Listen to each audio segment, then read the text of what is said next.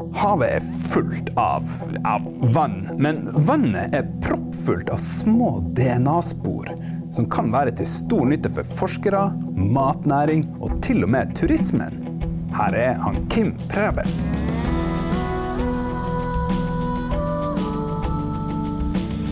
Observatoriet. En forskningspodkast fra UiT Norges arktiske universitet. Med Geir Hevnskjell Ringvold mannen som lurer på det meste, og Marit Anne Hauan, som bokstavelig talt lever av fortellinger. Og en ny, spennende forsker hver uke.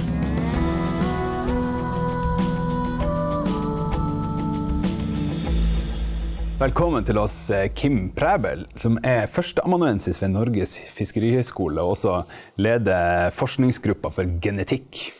Så ja, eh, fiskegenetikk det er spennende greier. Og eh, det vi etter hvert skal touche litt inn på, eh, det er hvordan kan man være liksom, sjødetektiv hvor eh, det du har å jobbe med, er en vannprøve.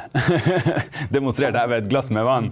Eh, hva kan man finne av små slimrester, avføringsrester, som gjør, gir oss et bilde av eh, hvordan eh, eh, fisken eh, har det, hvilke typer arter som lever hvor og sånt. Eh, veldig lang intro for meg, men jeg er veldig nysgjerrig på alt det her. Men jeg syns vi skal starte noen år tilbake i tid i en kolonihage i København. Der, der, gikk det en liten, eh, en eh, liten rødtopp med eh, en bambusstang. Eh, ta oss tilbake dit. Ja, det var mange år siden, men det var min gamle morfar. Og når vi var på besøg ude i, deres kolonihakke uden for København, det var jo slik de gamle dage, man boede mest i lejligheder i København, og så havde man brug for en plads om sommeren og kunne komme ud i naturen. Og så havde man lavet alle de her kolonihakker uden for København, og der var det jo, der havde man jo krudt i, i bakke i, så der var jo ofte, hvad skal vi få ham til at gøre? Og en, min morfar, han havde gravet ned det gamle oliefat, som han samlede regnvand i til at vande blomster med. Og det var sådan et sort hul i jorden. Og en dag, der sagde han til mig, dernede er der fisk. Der er fisk nede i den, den tynde. Og jeg blev helt og så en dag, så kom han der med bambusstang med sådan en liten papirklips eller, øh, for inden, og øh, en bit snor på. Ja. Skal vi prøve at fiske? Og så gik vi og gravede mark i hans kolonihakke, og, og så satte jeg der og fiskede. Fangede aldrig nogen ting, men jeg var, hver gang vi var på besøg, så var det ned til det. Bombestang og binde. Og så ned og sidde og fiske ned i det der svarte hul ned i hans bakhakke der. Og så en dag, øh, nogle år senere, så siger han, da jeg var blevet lidt større, nu er det på tide, at du får en fiskestang, men der kan vi ikke fiske her mere. Så tog han mig ned til en liten dam, der lå ikke så langt derfra. Og der fangede jeg min første fisk. En karus, som jo vi også har oppe i præstvandet oppe heroppe på øen. Ja. Øer. Midt på Tromsø er det. Ja, der er karus i, det, i den, mm. øh, hvad hedder det, præstvandet. Ja. Verdens nordligste population af karus i øvrigt. Mm, og det var det, der startede, øh, det, der tændte der var, ja, du, der var, jeg der var du på kroken. Ja, der var jeg på kroken. og det er jeg fremdeles. ja. Og det har tatt deg eh, flere plasser eh, rundt over hele kloden, altså bokstavelig talt. Eh, hva var veien derifra til eh, eh, altså kortversjonen av eh, denne lille Kim nede i, med bambusstanga til en eh, ledende forsker innenfor eh, genetikk i, eh, i, eh, på fisk. Det hele har jo andet, siden dengang har alt handlet om fisk. Det var sådan, jeg brugte al min studietid, øh, jeg sad og læste eksamen ude ved Indsjøerne i et lille telt, telt, jeg havde med. Og så sad jeg og fiskede, mens jeg læste. Sådan foregik helt min studietid. Og om sommeren, fordi når man er student, har man jo ikke mange penge, så der var jeg nødt til at have mig en job. Og der havde jeg en kollega, eller en kompis var det på det tidspunkt, som øh, startede et øh, turismefirma op i Grønland. Og han spurgte så, har du ikke lyst til at gøre det her på din... Du har så lange sommerferier, når du går på universitetet, det passer perfekt. Så jeg, jo, kom til Grønland. Det er jo fantastisk at kunne være deroppe. Og så havde du jo den biologiske baggrund for din studier, så det var naturligt at være guide deroppe. Og igennem de år, der var det den samme skipper, der jobbede på den her guidebåd, vi brugte. Og ham blev jeg gode venner med. Han var grønlænder og fisker. Og vi havde jo så lige pludselig masser at prate om, fordi det hele handler om fisk. Og en dag, der fortalte han mig så om, Jeg spurgte jo, hvordan fisker du? Hvad gør du? Hvordan gør du det? Hvordan fisker du om vinteren? Mm. Alle de her spørgsmål, man nu har. Og så siger jeg en dag, der var det, hvad bruger du som øh, marting på din langlin, angen ja. på din krog? Så siger han, ja, han havde det her grønlandske ord, så siger han, det skønner jeg jo ikke. Men jamen, det danske ord er den fisk, der ligner den anden fisk. Det synes jeg jo ingenting af. Og det var en torskefisk der. Så da jeg kom hjem til, til København på, på høsten, så har jeg aftalt møde med Jørgen Nielsen, som på det tidspunkt var den ledende forsker inden for, for torske taksonomi. Altså de ulike arter af torsk. Og han har videt, han har videt hele sit liv til den type taksonomiske undersøgelser der. Og jeg, så spurgte han, hvad er det her for noget? Så siger han, har du nogensinde hørt om den torskefisk, der hedder torsken, der ligner den anden torsk? Og så kunne man bare, hans udtryk for andre sig bare, ikke? at det var, hvor har du hørt om den? Så siger han, nu skal du bare høre, op i Grønland, i Umanak-området, der bruger de den her som arven på vinteren. Bruger de den som arven? det er jo en af de mest sjældne torskefisk, der findes på, på jorden. Der. Den mindst forekommende torskefisk. Og det var ligesom det, der startede det hele der. Så ringede mig jeg at finde ud af, jeg tænkte, på det tidspunkt, der jeg var, jeg, jeg var i et laboratorium, der jobbede med kuldetilpasning. Hvordan tilpasser dyr sig til kulde? Og en af de måder, de gør det på, det er jo ved for fisk for eksempel. Det, der er problemet for dyr, hvis jeg lige kan få lov at starte rundt om. Det, der er problemet for dyr, det er jo, at deres øh, kropsvæsker og deres væv, det fryser ved en højere temperatur end miljøets frysepunkt. Så hvis det er minus 20 grader i, i miljøet, så vil de fleste dyr bare dø. Øh, dø. Men dyrene er jo smarte, og evolutionen er lur. Fordi de har jo så udviklet strategier for at, at leve i det her. Frosker for eksempel, de, bruger, de syntetiserer proteiner i deres blod, som faktisk hjælper iskrystallerne til at gro, sådan så de sorterer cellerne bort, så de ikke bliver skartet, så får de ikke frostskader. Ja, for det har jeg hørt. Altså, frosker som overvintrer i is. Ja. ja. Og det er det, du tænker på der? Yes. Ja. Froskers elementer, de bruger ofte den strategi. De udskiller proteiner, der minder om iskrystaller mm som isen der kan bygge sig på. Og så kan det på den måde det styre, at det ikke bliver sådan først nedkøling, og så, pff, så fryser det, så ødelægger det, så dør du. Men det gør alle pattedyr, eller parter gør på den måde. Fisk, de bruger en helt anden strategi, som de er, de tåler ikke isdannelse i deres væv. Det gør frosker. De fryser jo inde i, i vævet. Det gør fisk ikke. Fisk de udvikler, har der udviklet en, et specielt protein, der binder sig i det øjeblik, der dannes en iskrystal, eller kimet. Et lille bitte, bitte kim til en iskrystal så kommer de proteiner og siger, jeg vil hellere være på proteinoverflatterne, end jeg vil være ude i, i, i løsning der. Så binder de, så kan isen ikke vokse mere, for der er ikke noget at vokse på. Der er ikke nogen den rigtige krystalstruktur. Ja, og det gør så, at fiskene kan sænke frysepunktet af deres kropsvæsker under frysepunktet af havvand. Og havet bundfryser jo aldrig, så det er ikke, så er det ikke noget problem. Det er evolution. Det er spændende, var. Det er tilpasninger. Mm. Ja. Nå, så jeg tænkte, hvorfor ikke koble sammen de her fisk, som er så sjældne. Som uh, ligner på den andre torsk. Torsken, der ligner på den anden torsk. Ja. Hvorfor ikke koble den mod de her proteiner? Fordi de torsker fra Jørgens gamle kat, det viste jo, at det var bare russerne på de her gamle ekspeditioner, hvor de drev rundt op i Polhavet på isflakker. Det var bare for de øh, observationer, den var observeret før. Så det måtte være en højagtig art, så derfor måtte den jo have været et perfekt eksempel for at studere kuldetilpasning hos fisk der. Ja. Så jeg drog så pakket og spurgte min vejleder, Hans, er du interesseret i at, at støtte det her? Nej, det er jeg ikke. Jeg har ikke nogen penge. Nå, pokkers. og så tænkte jeg, Nå, hvad gør jeg der? Jamen, så må jeg begynde at spare. Så købte jeg en envejs flybillet til Nordgrønland. Og så spurgte min kompis der, øh, Karl, som han hedder oppe i Nordgrønland, om han kunne hjælpe mig. Så jeg boede hjemme hos ham, og han lærte mig, hvordan man fisker, og jeg havde min egen hundeslæt og fiskede kommercielt for der og finansiere min, min undersøgelse der. En, Fik du øh, mange af den der torsken, som ligner på en anden torsk? Ja, vi, vi triplede vel det kendte antal observationer. Ja. Altså, og de ligger alle sammen på Københavns Museum i dag som uh, museumseksemplar. Og så var der jo selvfølgelig alle dem, der blev skåret stykker til arven, som ja. ikke har indgået i... som du bare talte, ja, eller som du... Ja, ja. ja. Og tog prøver fra der. Mm. Og mens jeg var der, der var det jo så der, en dag, der fik... Der er en mand, ham der opdagede de her proteiner. Han hedder Arthur de Vries. Mm. Han bor over i USA, og han lever stadigvæk. Han er stadig aktiv. Han er 77 år gammel. Han er i Antarktis. Lige akkurat nu mm. er han på feltarbejde i Antarktis. Og det var ham, der fandt antifrysoproteinerne og forstod mekanismen bag dem der. Mm. Jeg fik en mail fra ham, en e-post. På det tidspunkt var e-post sådan noget, man tjekkede en gang om måneden, eller en gang om ugen. Det var ikke så vanligt. Men en dag, der lå der en e-post fra Arthur de Rees, og min, jeg vidste godt, hvem han var. Hvad vil han? Og han, kan jeg ikke komme på besøg? Han havde så hørt, om, at jeg var deroppe og fangede de her meget specielle torster. Ja, den, den, er faktisk jeg kan bare skyte inn, den er såpass spesiell at du var eh, nummer 50 i verden som klarte å, å, å bevise at du hadde fanga en sånn torsk. Ja. Ja. Ja. Så det, det er ganske eh, spesielt. Men ja, fortsett. Ja, og Art kom jo så, øh, Arthur hedder han, han kom jo så i hans store forskningsskib, og vi fangede, han, jeg tror han tog 50 med hjem til USA af de her fisk, og vi tog en masse prøver. Og så gik der jo en uge mere, og så spurgte han, har du ikke lyst til at drage med mig ned til Sydpolen? Så sagde jeg, jo, hvorfor ikke? Altså, livet er kort. Vi har ikke så mange muligheder, så øh, hvorfor ikke Og så bare... kommer man sig til Sydpolen. Ja, hvordan kommer man til Sydpolen? Det var så McMurdo Station i, i Antarktis, som er øh, amerikanernes base for Antarktis forskning. Det er ligesom det største, øh, specielt til marin, marine. Øh. Så der drog jeg ned dit der, ret fra, og fra Nordgrønland hjem og vende København, og så sørpå. Mm.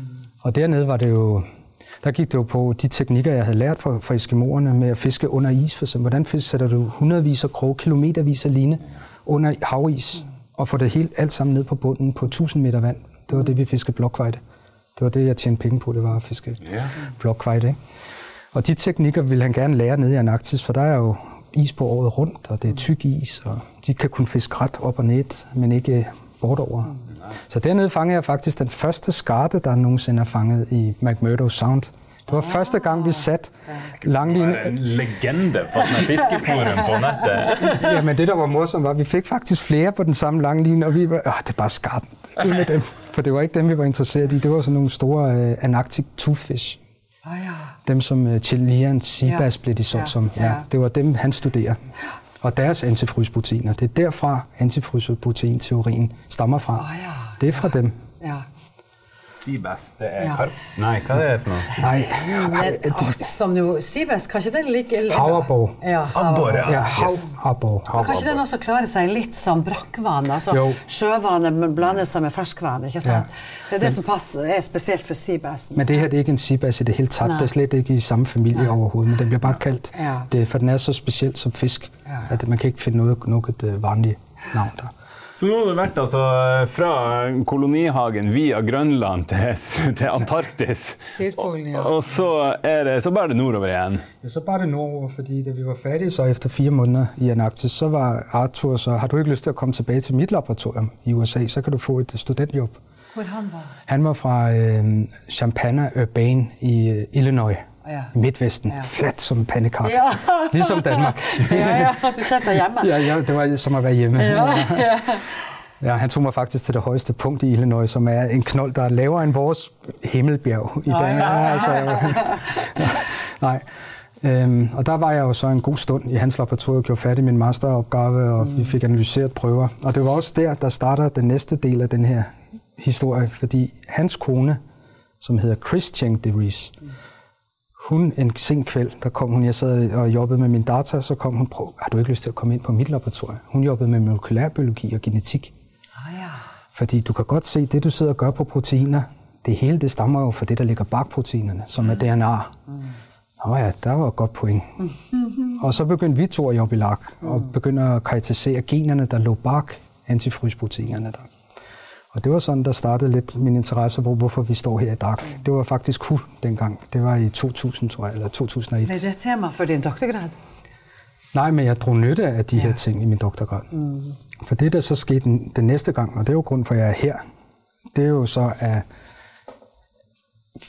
et halvt år senere, så spurgte Ar- Arthur, har du ikke, vi har mulighed for at drage ud på et forskningstogt og samle fisk og prøver. Har du ikke lyst til at drage for os? Jo, det vil jeg da gerne. Hvor går det hen? Ja, det starter i Tromsø. Og det er en båd, der hedder, dengang var det Jan Mayen. Man, ja. Jo, det lyder spændende. Den båten heter i dag Helmar Hansen. Ja. Så jeg drog så til Tromsø og drog ud med det her skib, og det var i februar måned. Det er det værste tur, der var Thor Haug også med. Det var en forfærdelig tur. Orkan og storm i tre uger i træk. Men der fik jeg så tid, for vi kunne ikke gøre så mye, fordi det var så dårligt vejr. Så der mødte jeg jo så Jørgen Skov Christiansen og Svend Erik Fevolden. De var ombord på den båd. Og så siger de, du må da komme herop og lave en Ph.D. Vi har et øh, ledigt stipendiat. Har du lyst? Jamen, så er jeg jo sådan, at hvorfor ikke? Og det var jo sådan, derfor jeg er her i dag. Og Jørne og danske. Ja, ja, ja. Nei, men dere er hjertelig velkommen. Da har du altså gjort det mesterstykket å kombinere hobby med arbeid. Selv om det er vel ikke så mye rekreasjon i den typen fiske dere gjør? Jeg tar for eksempel mange, altså mange af mine prøver skaffer jeg egentlig fra min egen båd. Ja. Fordi det er ofte, så det, skal du bestille togtid, og det skal du gøre et år i forvejen, og det er ofte ikke så let. Det er selvfølgelig, togterne er vældig bra til vældig planlagte projekter, der er langsigtige og sådan, men der er nogle gange, man trænger prøver, og man skal bare have dem nø. Mm. Så er det ud i sin egen båd, mm. ude på Storhed, mm. og så hente prøverne hjem. Mm. Så det, det bruger jeg. Men problemet er jo så også, at man ikke har så mye tit. Så jeg, det er jo ikke særlig ofte, jeg er ude og fiske, som jeg gjorde i gamle dage der. Du vet at forskere de kan også holde søndagsfri. Det, det gør jeg jo. og så har man jo familie, og man har barn, og ja, så går dagene. Ja, dagene går. Ja, ja. Sånt er sant. Men altså, dette her, det, det er det er, det er, veldig interessant med, med frysepunkt og proteinene. ikke sant? Det er, jo, det, det er jo utrolig interessant med kaldt klima, men så kommer du bak det, og så kommer du til DNA, DNA og, så, og så kan man begynne å bestemme DNA på blåkveita eller på den eh, torsken som ligner på andre torsker, eller polartorsken, eller sånn og sånn. Men så tar du det enda lengre. Du tar det videre enn det. Jo. Ja. Det er jo sånn, noe der faktisk er først er kommet de siste par år det, som vi gør i DARK, det her med, med vand og, mm. og DNA. Og det handler ikke om, at man ikke det handler om, at man ikke har kunnet det før. Man har ikke vidst, at det faktisk var muligt øh, at bestemme organismerne bare ud fra deres DNA-spor i vandet. Øh. Ja, fordi eh, hvis du tenker på det som et, et, et åsted, et hotellrom hvor det er blitt begått en eller annen Kanskje en ugjerning, da. Da tenker vi gjerne at da kommer, eh, kommer CSI-teamet inn og, og, prøver å finne DNA-spor mm. som kanskje kan avsløre hvem som har vært der. Eh, kanskje kan avsløre hvor lenge det er siden eh, noen ble drept der, eller et eller annet sånt. her. I hvert fall veldig mye man kan finne ut ved hjelp av DNA. Og litt det samme, eh, hvis jeg har forstått det rett i hvert fall, eh, kan dere hente ut ifra en vannprøve kanskje ikke akkurat i dag eh, det er så omfattende, men i fremtida at det her er noe som eh, blir en større del av det å forske på havet? Det er helt sikkert. Det gør det. Fordi i dag, der kan vi det. Altså, det er ikke noget problem i dag at identificere, hvad har der været i vandet. Altså, har de været der, eller har de ikke været der? Det er ikke noget problem i dag. Så ud fra vandprøver, vi, du får tusindvis af arter fra en halv liter vand. Vi har bare sekvenseret det DNA, der er i den halv liter vand. Har dere prøvd med bare vanlig eh, springvann? Ja, men det er jo så et andet samfund, ikke? Der vil det jo være, det er jo bakteriesamfundet, du får, og virus, og hvad der, jeg tror ikke, der er virus i, i drikkevand, men, men, men det er bakteriesamfundet. Det er jo noget af det, vi lider under, det er, at de her metoder, de er så fantastisk sensitive, at det er det bare være én kopi.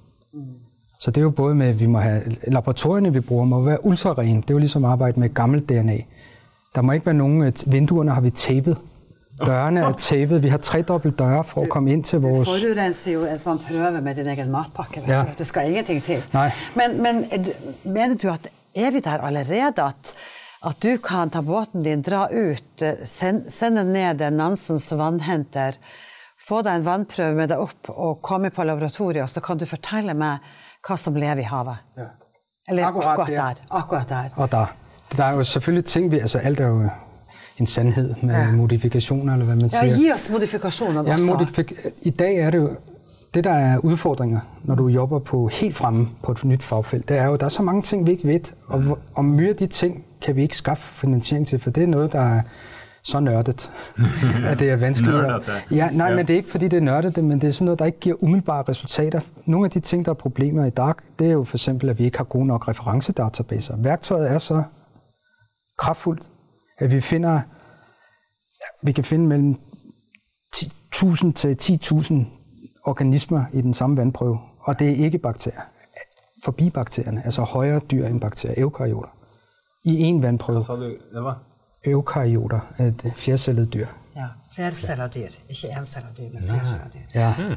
Og det betyder da, at de databaser, der ligger tilgængelige i dag, som vi egentlig skal sammenligne vores data mod for at finde ud, hvad var der de er slet ikke gearet, de er slet ikke udviklet nok til at kunne håndtere den type kraftfulde værktøjer. Man Fordi... har altså ikke, det betyder, at man har ikke fået den der striper som avslører DNA-et på alle disse artene som Nei. måtte befinne seg. Det kan være haneskjell og krabbe og torsk og uer og kveiter, og det kan være lodder, og det kan være Hval. Det kan være hval, og det kan være de der små Fuglene. Ja, ikke sant? Ja. Vi plukker også fuglene opp der lander på ja. vannet. Ja. De kommer også med i det her. Ja. Fantastisk. Da er det rett og slett bare bitte, bitte små spor. Det kan være celler eller avføring eller uh, slim. Ja. ja. Og det, det, skal så lite til at det er bare ett lite element. Så sensitive er de. Et, godt, det er et gode eksempel er nogle af de udfordringer, vi også har, for eksempel, det er jo netop kontaminering, og vi bruger vældig mange blankeprøver for at vide, hvor opstår kontamineringen. Vi må jo vide, er der kontaminering, eller er der ikke kontaminering? Forurensning. Ja. Undskyld. Men, men øh, forurensning er en forurensning med fremmed DNA i vores prøver, som ikke var til stede i vandprøven. Det er et stort problem, og det er noget, vi må kontrollere der. Og det gør vi ved at bruge en masse prøver, som ikke indeholder vand, hvor vi filtrerer luft. For eksempel, hvis vi er på en forskningsbåd og tager de her type prøver, så løber vi rundt som vanvittige og filtrerer luft. Fordi i den luft, der er rundt os, der vil jo være alle kopierne fra alt den forskning, der er foregået på torsk, på sej, på val. Det vil jo, fordi der er bare et lille blodspor på båden. Det er nok til, at der er en masse DNA. Der, hver gang der er nogen, der går forbi det blodspor, så vil der vivles op ny DNA. Jeg kan sidde og spise kylling i, i messer og gå ned og job, så får vi kylling i vores prøver. Mm. Men det vil også være i de, i de blanke prøver. Så det vil sige, at vi ved, hvor kom forurensningen fra. Vi plukker op, øh, vi har nogle et morsomt eksempel, vi ofte prater om, det er, at vi har et studie over i England i forskningsgruppen. Det er ikke mig, det er en af en i gruppen, der jobber med det, hvor de kortlægger øh, hvad hedder det, floddelta. Hvilke arter er der i floddeltaerne ved hjælp af den her metode? Og et specifikt floddelta, der plukkede de op kanguru. Kænguru? Kænguru. Og det var ikke i, uh, i Australien? Det, det, det, det er i England. Ja. I England? Ja, og de var jo også reageret på samme måde. Nej, det her, det giver ikke mening. Ja. Det, må, det må vi bare glemme.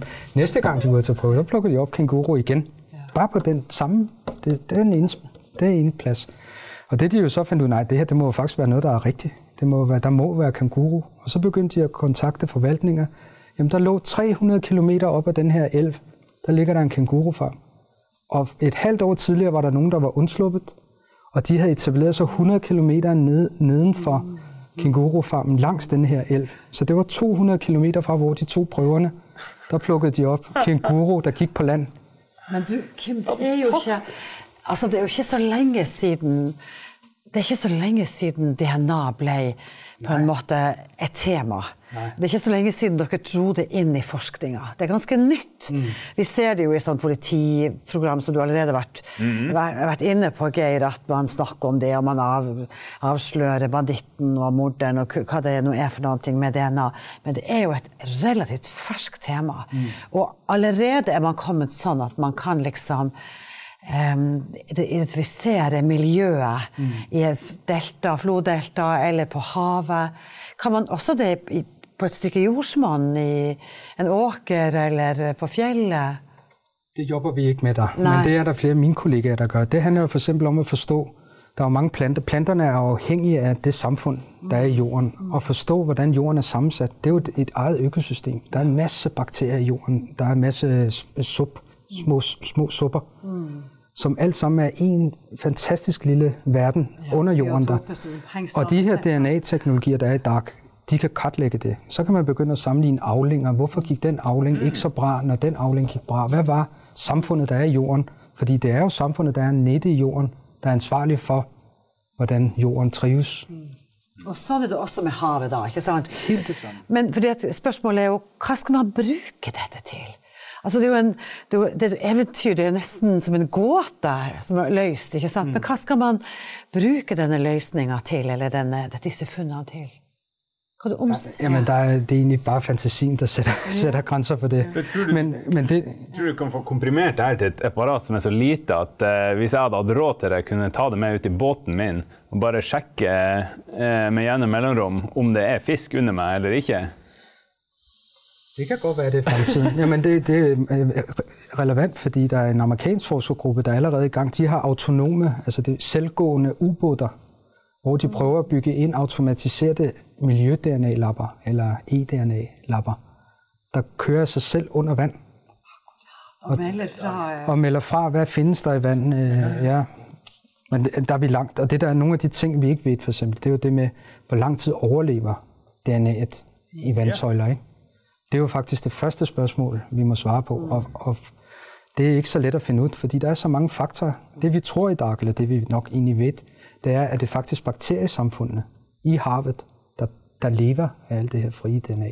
Mm. For det er jo energi. Mm. Det er jo biologisk materiale. De spiser det der. De spiser. Ja, ja. Så alt efter, man har lavet nogle sammenligninger, hvor man har sammenlignet fjorde og, og oceanprøver. Og i fjorden er der mye mere bakteriesamfund, for der er mye mere bundmateriale, der vivles op, end der er ude på det store ocean, der falder alt ned i dybet. Og inde i fjorden er der derfor mye større bakteriesamfund, og der brydes miljø-DNA, eller DNA i vandet, der også får der ned. Men det er nogle af de ting, der er den store udfordring, fordi så der kommer havstrømmerne med i det, og det transporterer jo ting over, over afstander. Ikke? Så de spor, vi plukker op, hvor kommer de egentlig fra? Hvis du har øh, DNA fra en eller anden eksotisk fisk, så kan det hende at den har kommet fra Karibia op til... Golfstrømmen oppover. Ja og nej. Fordi vi ved, jeg tror ikke, der er noget studie, der har vist, at DNA overlever i, i det frie miljø længere end fem dage. Okay. Og så kan du begynde at regne på, hvor lang tid tager det.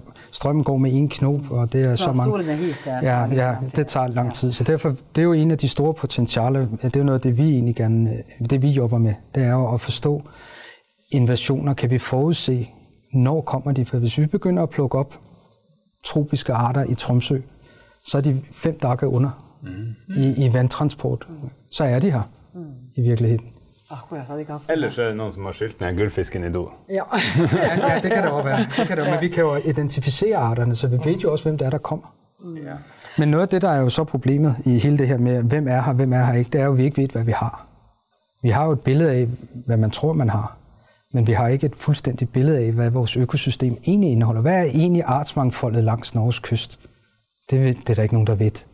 Man ved, der er de store fisk, det man ser, men der er en masse andet, man ikke ser. Ikke? Og holde oversigt, fordi vores kystlinje er så lang, så det er helt umuligt at holde oversigt over det. Og for, er den i forandring? Det ved vi heller ikke. Vel? Så det her er jo et fagfelt jeg kan tenke meg det blir ikke mindre interesse for i fremtida. Eh, og eh, allerede fått et lite sånn her eh, et, et lite eh, ja, jeg føler i hvert fall jeg har fått et, et veldig sånn bredere begrep om eh, genetikk i vannprøver og sånt. Men eh, hva er det du håper at det blir eh, bruksområdet til det her i fremtida? Jamen, der, det kan bruges i både i altså marinforvaltning er det helt oplagt. Altså, det er et helt oplagt værktøj at, at kortlægge forandringer i økosystem, altså artssammensætning, hvordan det forandres over tid det vil jo være en af de ting, der er helt oplagt at bruge det til. Vi er ikke der ændre. Der trænges mere forskning, før vi kan implementere det i forvaltninger. Men Fordi dere ikke kjenner enda der, der er så mange faktorer, ja, der er så mange faktorer, mm, vi, vi trænger at gøre. Og vi kan ikke DNA'et til de arterne, vi ikke kender. Nej, men det er, jo, det er der kraftige, for eksempel Tromsø Museum jobber jo mye på det, og det gør vi faktisk også, øh, og det er jo for, men vi trænger det. Øhm, I akvakultur er det jo helt oplagt, altså havbrug er det helt oplagt at tage i brug slike værktøjer. Det, er jo noget, det var egentlig det, der startede vores første miljø-DNA-projekt, det var på akvakultur. Så det var jo 5-6 år siden, hvor vi begyndte at kigge på, okay, hvis vi kan, hvad med, at vi kan tælle lus, lakselus? Det er egentlig det, det startede med. I dag der er det jo slik, at de går ud og skal øh, have to eller tre mand, der er ansat, der skal gå rundt på magerne, en gang om ugen, tælle, fange 100 laks i hver mær, tælle antal lus, så skal de rapportere det til Veterinærinstituttet. Hvad hvis du bare kunne tage en vandprøve i stedet for? Sekvensere og finde ud af, hvor mange var der, og hvor mange er der i den her mær. Så vil du spare både penge, og det vil blive mere præcist, og det kunne endda udvikle sig til noget, der er kontinuerligt. Og mindre arbejdspladser må du huske på, Kim. Dere må ikke blive så flinke, at vi ikke har arbejdspladser. Jamen, det handler ikke så mye om arbejds... Nej, jamen, det synes jeg godt, men det handler jo om, at vi jobber faktisk sammen med, med næringen. Vi, vi jobber med en familiebedrift i Nordtroms, øh, som er et laksopdrætsfirma. Det er hele familien, der er involveret i det her. De er med i det her, fordi de ser, at hvis vi kan spidse vores øh, produktion, og vi kan have en bedre forvaltning og bidrage til mindre miljøudslip, jamen, hvorfor ikke gøre det der? Så derfor har vi jobbet i mange år. Vi jobber fremdeles med dem øh, på de her ting. Og det er jo noget... Blir dere da, er dere da forstått som øh, uhilder når dere jobber inn med næringa? Altså makable forskninga og næringa. Hva, hva, hva er problemfelt? Er det noen problemfelt der? Ja, det gælder jo om at være helt klar på, hvad det er, vi skal bidrage med. Hvad bidrager de med? Hvad bidrager vi med? De bidrager i vores projekter, bidrager de med adgang. Der er ikke nogen, eller det er vanskeligt at få adgang. Og det synder man jo egentlig godt, at det kan være lidt vanskeligt.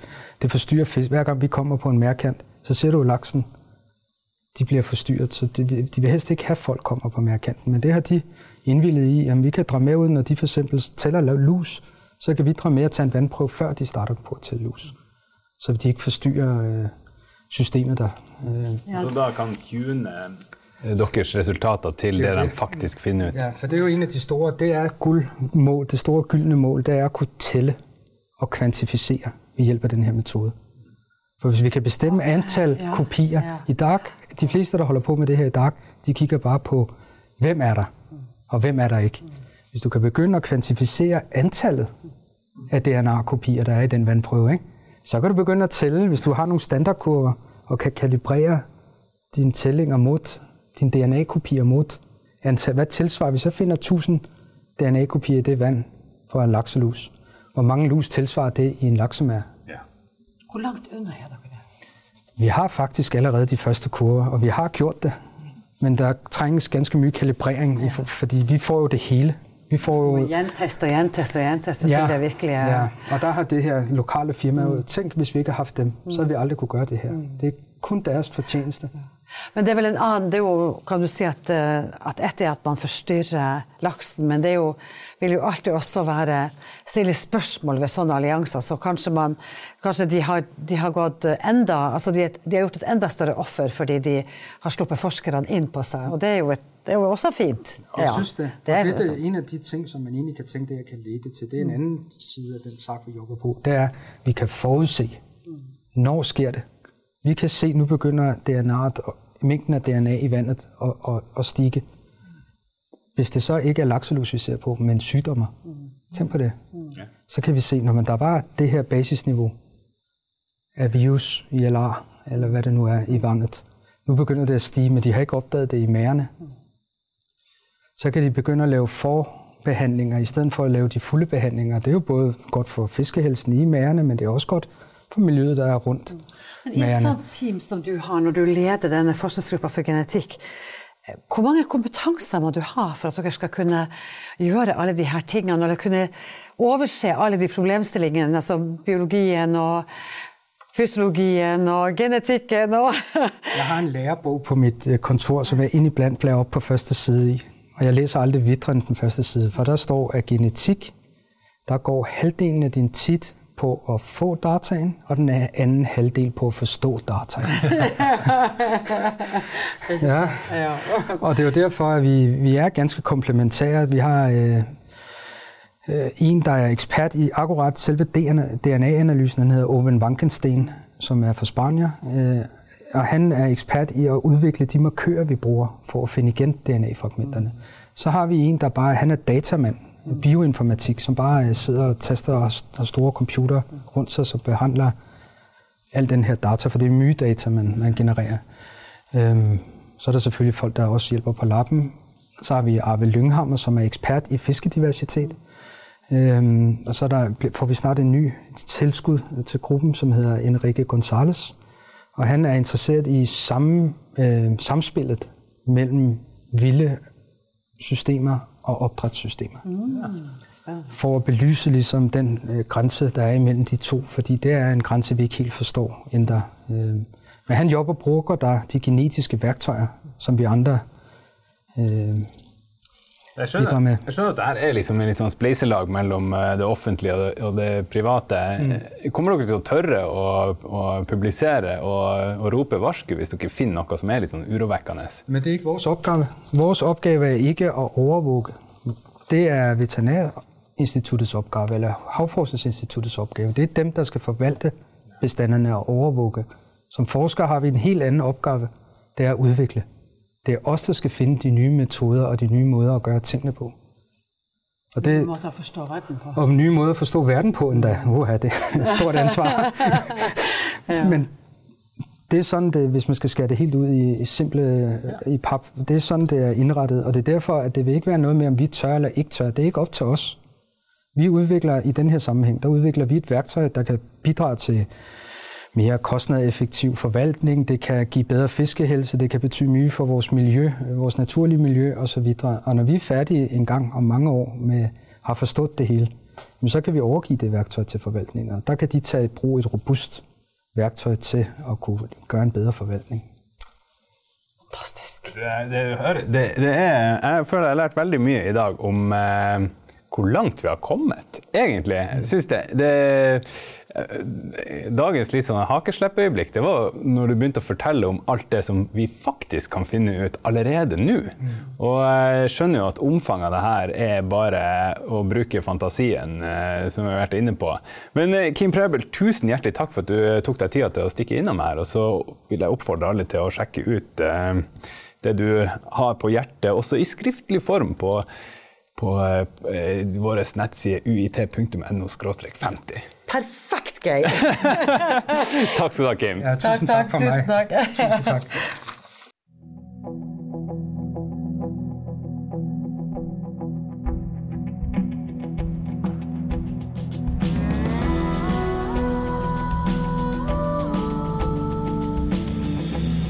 Kim Præbel sin kronikk kan du eh, se på uit.no 50. Og har du lyst til å høre andre forskere prate med oss, så kan du eh, søke opp eh, Observatoriet på iTunes, Soundcloud, og så kan du sjekke Facebook-sida vår, Observatoriet podkast. Takk for nå.